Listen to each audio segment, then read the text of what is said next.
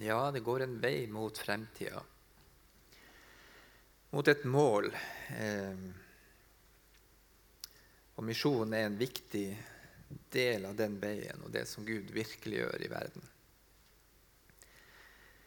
Eh, før vi leser fra Bibelen, så må jeg si et par ting igjen fra denne turen jeg fikk til Etiopia. Da. Eh, det er mange inntrykk jeg sitter med, men jeg har lyst til å nevne jeg har lyst til å nevne et par ting. Vi fikk jo treffe lederne for Mekaniesu-kirka i Etiopia. Og nå har jo vi i Misjonssambandet en strategi. Og det har de i Mekaniesu-kirka òg. Og, og, punkt én i deres strategi det er altså evangelisering. og, og der har de, har de lagt det opp sånn at eller Målet deres er at hvert medlem i kirka skal vitne for fem personer eh, i løpet av et år. Eh, og da har du denne Guds eh, multiplikasjon. Vi vet at når det er kjedebrev, eller sånne ting, så sprer ting seg veldig fort. Eh, og jeg tror det blir på en måte sånn når det står om, om at Guds rike er som en surdeig som gjennomsyrer. Eh, at sånn skal det være med evangeliet. At, eh, at, at, Guds folk skal få lov å være med å brede, videre ut. Eh, og Det er det vi snakker om òg når vi snakker om at vi, er, at vi vektlegger nådegavene. ikke sant? At lekfolket skal være aktivt og virke. og være med å bre evangeliet på den, på den måten. Veldig flott. Og Det andre jeg vil nevne, det er vi var jo på en sånn jubileumsgudstjeneste i Arba Minch. De har jo bygd en ny kirke der som, eh, som de sier skal være plass til 5000. Så forstår jeg at de tallene der sikkert kan diskuteres, men var, veldig stor. Ja, med der, og så, vi, så, dro vi også se litt rundt i området, og så fikk vi se en, en sånn eh, skole- og oppvekstsenter som heter Future Hope, altså Fremtidshåp. Og der, eh, og det er jo en skole og et senter som har litt røtter her i området. Eh, Solveig Klungsøyr var jo eh, strategisk når det gjaldt å samle penger til den skolen. Og jeg, jeg tok jo bilde, skulle egentlig ha visst det. Det står en sånn stor plakett utenfor den skolen. Og Der står det liksom at det var bygd med hjelp av, av gaver fra eh, elever ved Sykkylven, Spjelkavik og Ulsteinvik tror jeg det var eh, skoler. Russen, Den vanlige russen var med og samla inn masse penger. Eh, og det har virkelig båret frukt. Eh, det er både barnehage og, eh, og, og skole, ungdomsskole og, og vel helt til og med 12. klasse. Og det er over 1500 barn og unge som går der, eh, og som får undervisning, og som også får høre, høre Guds ord. Og eh, De fortalte jo altså skolesystemet i Etiopia og de som, eh, som, som, skulle fullføre 12. klasse da, altså generelt i landet, at strykprosenten var eh, altså 97. Altså det var 3 som, som sto. Eh, men på denne skolen her, Future Hope, så var eh, beståttandelen atskillig høyere. og Fikk treffe noen av elevene der. og det var Veldig flott. Så når dere har eh, julemesser og samler inn til misjon og sånn, og gratulerer forresten med vel gjennomført julemesse. Jeg skjønner dere er spent på hvor mye som kommer inn, om dere klarte å, å slå tidligere eh, si, rekorder. Men pengene kommer til nytte, og det gjør en forskjell. Eh, det syns jeg er veldig oppbyggelig å se. Eh, og det siste jeg vil nevne jeg var nå i militæret i, da jeg var 19-20 år og var i infanteriet. Og, og, I militæret så er det ulike avdelinger. Og Det som er litt sånn elitesoldatene, det er liksom jegertroppen da, som kunne sendes liksom langt inn si, bak fiendens linjer og, og, være der og operere. Og Det som slo meg når jeg, når jeg var og fikk høre om det som har vært i Etiopia, og møte folk og sånn, at misjonens jegertropper det tror jeg må være de enslige kvinnene som, som var på de her klinikkstasjonene langt av gårde.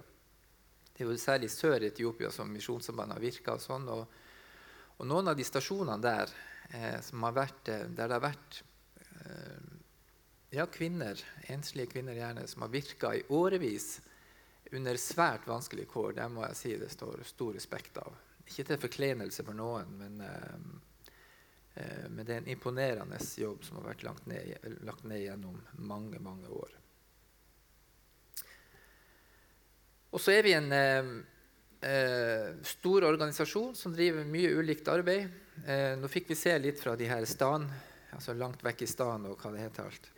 Eh, og der vi driver sensitivt arbeid, som er liksom litt under radaren og litt sånn usynlig.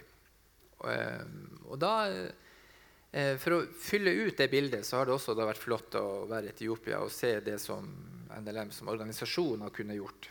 Eh, og den troverdigheten som de har hatt. og og hvordan de store diakonale prosjektene har gått hånd i hånd med evangelisering og, kirke, kirkebygging. Sånn kunne det gjøres i Etiopia. Så må vi gjøre det og tilpasse dette der, dit vi går, og etter der som Gud åpner dører. Vi skal fortsette å be sammen. Kjære Jesus, takk for at du eh, er her, at du er i ordet ditt, og takk for at du ønsker å møte oss. Vi ber om din velsignelse fortsatt. Du vet hva vi trenger. Eh, og ber om at du må velsigne ordet for oss i Jesu navn. Amen. Eh, teksten for dagen, evangelieteksten for dagen, det er fra Johannes-evangeliet, det sjette kapitlet, og fra vers 63. Og der står det sånn i Jesu navn.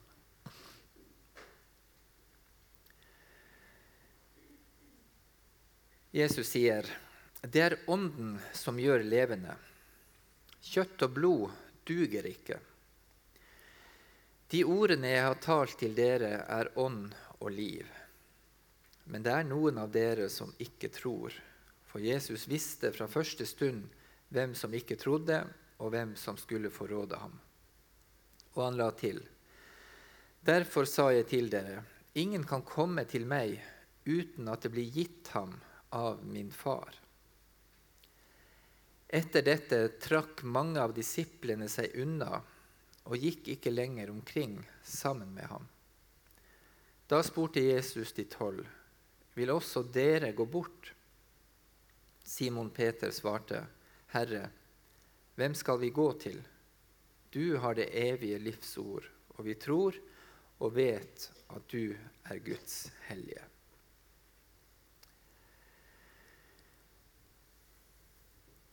Sammenhengen her er at Jesus hadde gjort under.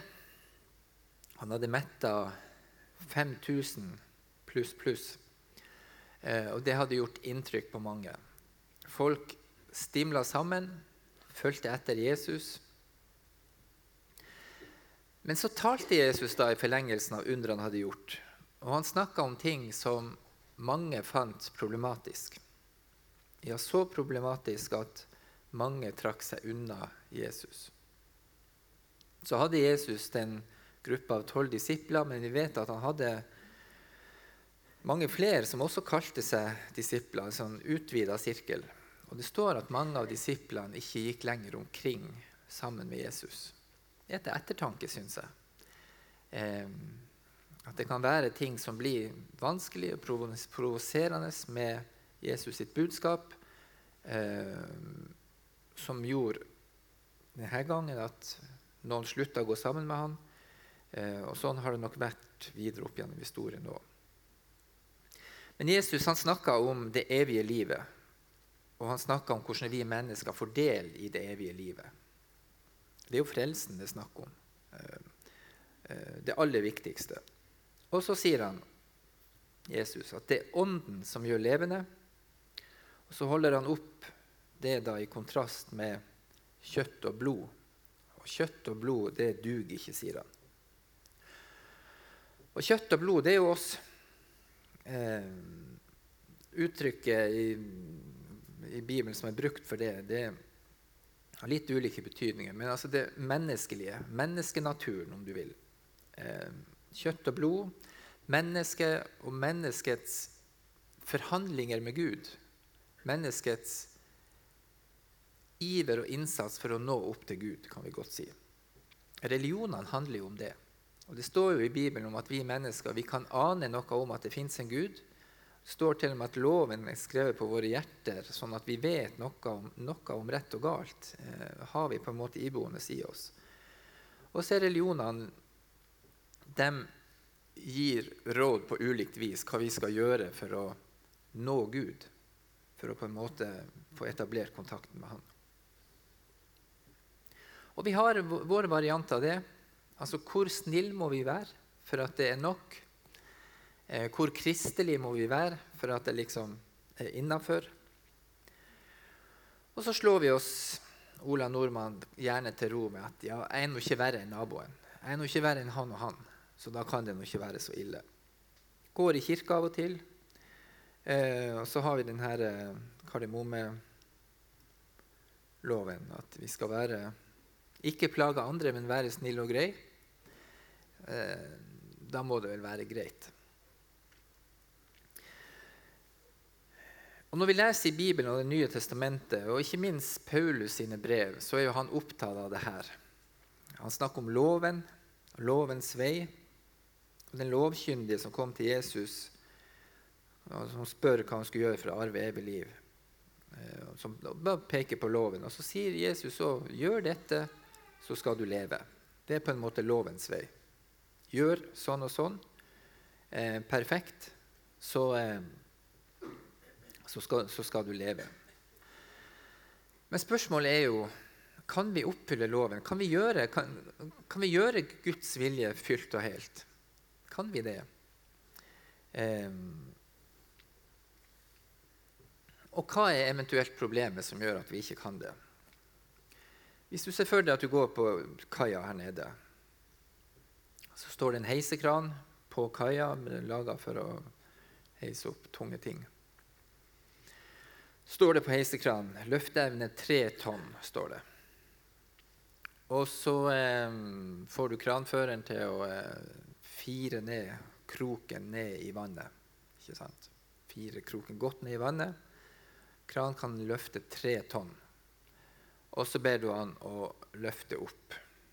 Kommer det opp tre tonn vann da, tror dere? Nei, det gjør jo ikke det. Og hvorfor gjør det ikke det? Nei, for det er ikke substans og hold i vannet som gjør at det kan løftes opp sånn. Kjøtt og blod duger ikke. Det er noe med substansen, det er noe med måten som vi mennesker er på etter syndefallet, som gjør at, at lovens vei, som er god egentlig, den fører ikke frem, for det, det, er ikke hold i oss. Det er ikke hold i oss. Men til kontrast til det så er det altså Jesu ord som ånd og liv. Og i romerbrevet Og igjen, altså det her bruker Paulus å skrive mye om akkurat de her tingene. Men han skriver i kapittel 8 at det som var umulig for loven, siden den sto maktesløs fordi vi er kjøtt og blod, for det ikke holder i oss, det gjorde Gud. Det gjorde Gud da han sendte sin egen sønn som syndoffer. Og så står det i teksten vår her da Eh, at ingen kan komme til Jesus uten at det blir gitt han, står det. Ingen kan komme til Jesus uten at det, uten at det blir gitt som en gave. Og det sier oss noe om at, at trua, som vi noen gang kan gjøre så komplisert, er at trua det er noe som Gud må, kan og vil gi oss. Og vår gode Luther han eh, har jo sagt mye Han har klart å formulere mange ting på en god måte. Og I forklaringa til den tredje trosartikkelen så er han inne på det her når han skriver at jeg tror at jeg ikke av egen fornuft eller kraft kan tro på Jesus Kristus, min Herre, eller komme til ham. Men Den hellige ånd har kalt meg ved evangeliet, opplyst meg, helliggjort meg og holdt meg fast i den sanne tro. Ehm, så når, når du kjenner en type dragning eller uro mot Jesus, mot evangeliet, så skal du vite eh, at det kommer egentlig ikke fra deg sjøl. Det er Gud som er der og byr deg sin gave. Men det ligger oss likevel naturlig Og akkurat som de små ungene som sier 'Jeg skal gjøre det sjøl'. skal gjøre selv. Eh, og så har vi så lett for å liksom skal begynne å bygge og snekre vår egen tro og vår egen kristendom. Eh, og det er det er, har ei sånn helt praktisk og hverdagslig side. Vi kan se hva det handler om. Og så har det en sånn teologisk side som teologene har skrevet masse bind om. Og Luther igjen da, han skriver i sin kommentar til eh, Galaterbrevet at det er ingen mellomting mellom den kristne rettferdighet og gjerningsrettferdighet. Fordi det er ingen andre alternativ, skriver han. Hvis du ikke bygger på Jesu gjerning, ja, så må du bygge på din egen gjerning. Eh, det er på en måte de to alternativene. Og det er de to alternativene som Jesus snakker om i teksten her òg. Kjøtt og blod, det å bygge på egen gjerning, eller eh, ånden som gir liv, Guds gave. Og da er vi inne på selvfølgelig evangeliet. Hva er evangeliet? Det er Guds gave. Evangelium betyr jo godt nytt, gode nyheter eh, nyheter om noe som har skjedd, eh, og som vi da tilbyr som en gave. Eh, og Paulus, han, Når han skriver til menigheten i Galatia, så er han inne på disse tingene. Eh, for der var det mange som hadde tatt imot evangeliet, men at de hadde en tendens til å blande sammen ting. At de, det ble så lett for dem at det ble evangeliet pluss noe annet. Enten det skulle være omskjærelse eller noen krav sånn eller sånn. Og Hvis du tar evangeliet og så stiller du noen krav i tillegg, da, da er det ikke lenger evangeliet du har. Og Paulus han sier det sånn til menigheten i Galatia, til troende, at det undrer meg at dere så raskt vender dere bort fra ham som har kalt dere ved Kristi nåde, og til et annet evangelium, sier han. Så kommer det. Men det finnes ikke noe annet. Det er bare noen som forvirrer dere og vil forvrenge Kristi evangelium. Eh, og det handler om rekkefølgen på ting. Eh, og hvis man skal prøve å formulere det, da, så blir spørsmålet Lever vi kristenlivet fordi Gud aksepterer oss, eller aksepterer oss, eller, eller aksepterer Gud oss fordi vi lever et pyntelig kristenliv. Eh, man kan bli litt sånn svimmel når man tenker på det, for det høres jo nesten likt ut. Men, men hva er det som er først? Og evangeliet er det at det er noe som er ferdig, som vi får ta imot. Vi får, være, får ta imot Jesus og være 100% rettferdig. 100% Guds barn. Og så får vi leve som Guds barn.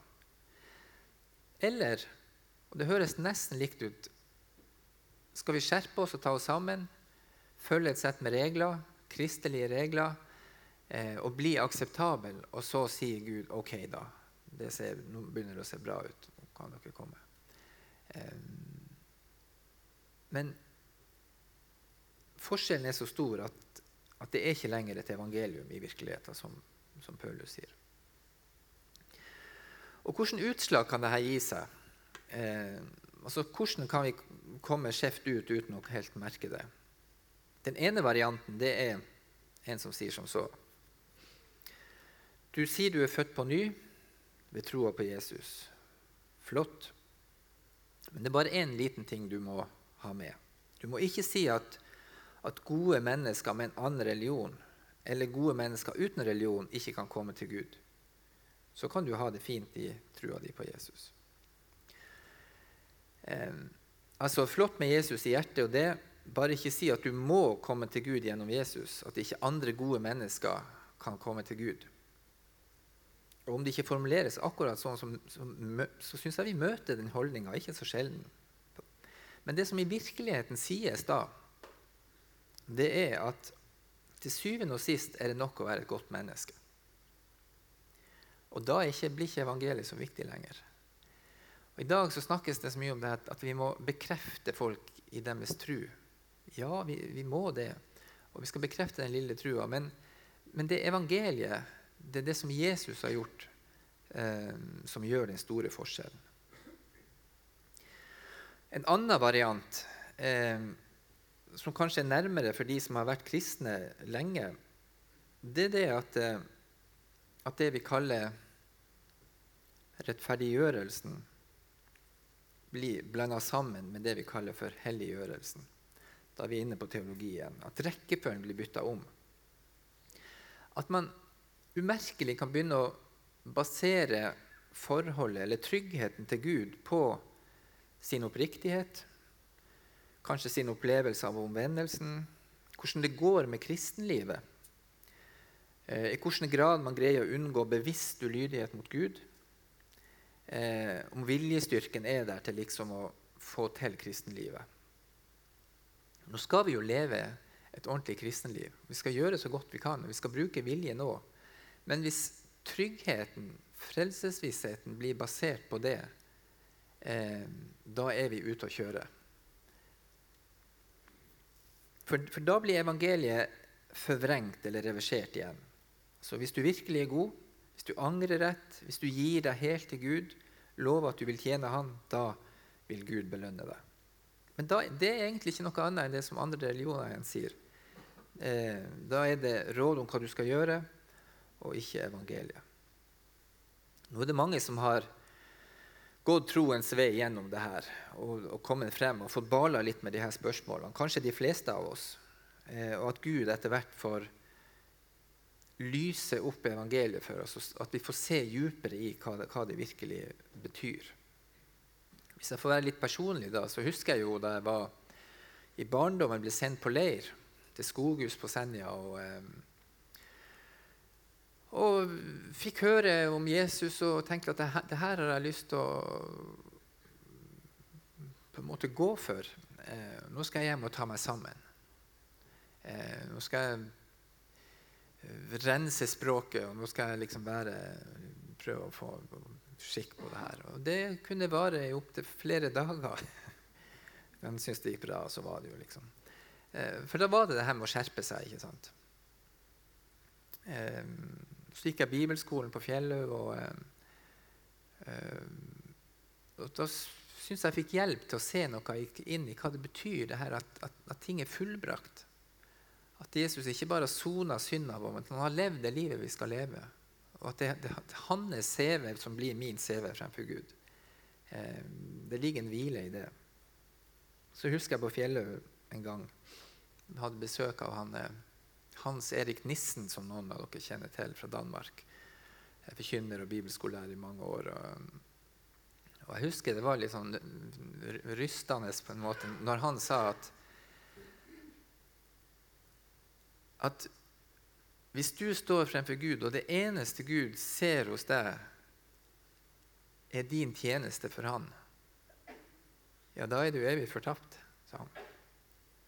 Eh, og det, det, han mente, det er at, sant, at hvis, hvis, det ikke er Jesus som gjelder, eh, og hans blod og død på korset, men at det er din tjeneste som du skal komme og vise fremfor Gud, ja, så, så, er jo ikke det noe å, å, å bygge på. Evangeliet er ikke gode råd om noe vi skal få til å skje. Evangeliet er gode nyheter om noe som har skjedd. Noe som har skjedd, som har gitt oss en åpen vei til Gud. En vei som er åpen for alle slags mennesker og alle folkeslag. Vi har jo en tendens til å dele mennesker inn i, i gode og dårlige. Uh, good guys og bad guys. Um, I Jesu lignelse om bryllupsfesten i Matteus 22 uh, så står det at, at alle som hadde bryllupsklær, kom inn. Og så står det både gode og onde. Så spørsmålet var om de hadde akseptert invitasjon, om de hadde tatt imot invitasjon og tatt imot bryllupsklærne. Kledd dem på. Eh, og Det er jo denne overkledninga som, som er symbolisert både i dåpskjoler konfirmantkapper osv. At, vi, at vi får kle oss i Jesu rettferdighet. Eh, og Misjonen handler jo om det. Å bringe til folkeslagene invitasjon. Eh, og bryllupsklærne som ligger klar. Mange disipler trakk seg unna og slutta å følge Jesus. Og så var det, aner vi liksom spørsmålet som dirra da. Hva med de tolv? Hva med de tolv? Vil også dere gå bort? Og så er det Peter som svarer da. ja, hvem, hvem skal vi gå til? Hvor hen skulle vi gå? Det er jo ingen andre som har det evige livsord. Han hadde vel bala og styrt med litt forskjellig, og etter hvert hadde han sett at, at Jesus har noe helt enestående som bare han kan gi. Det evige livsord. Han er Guds hellige, som det står.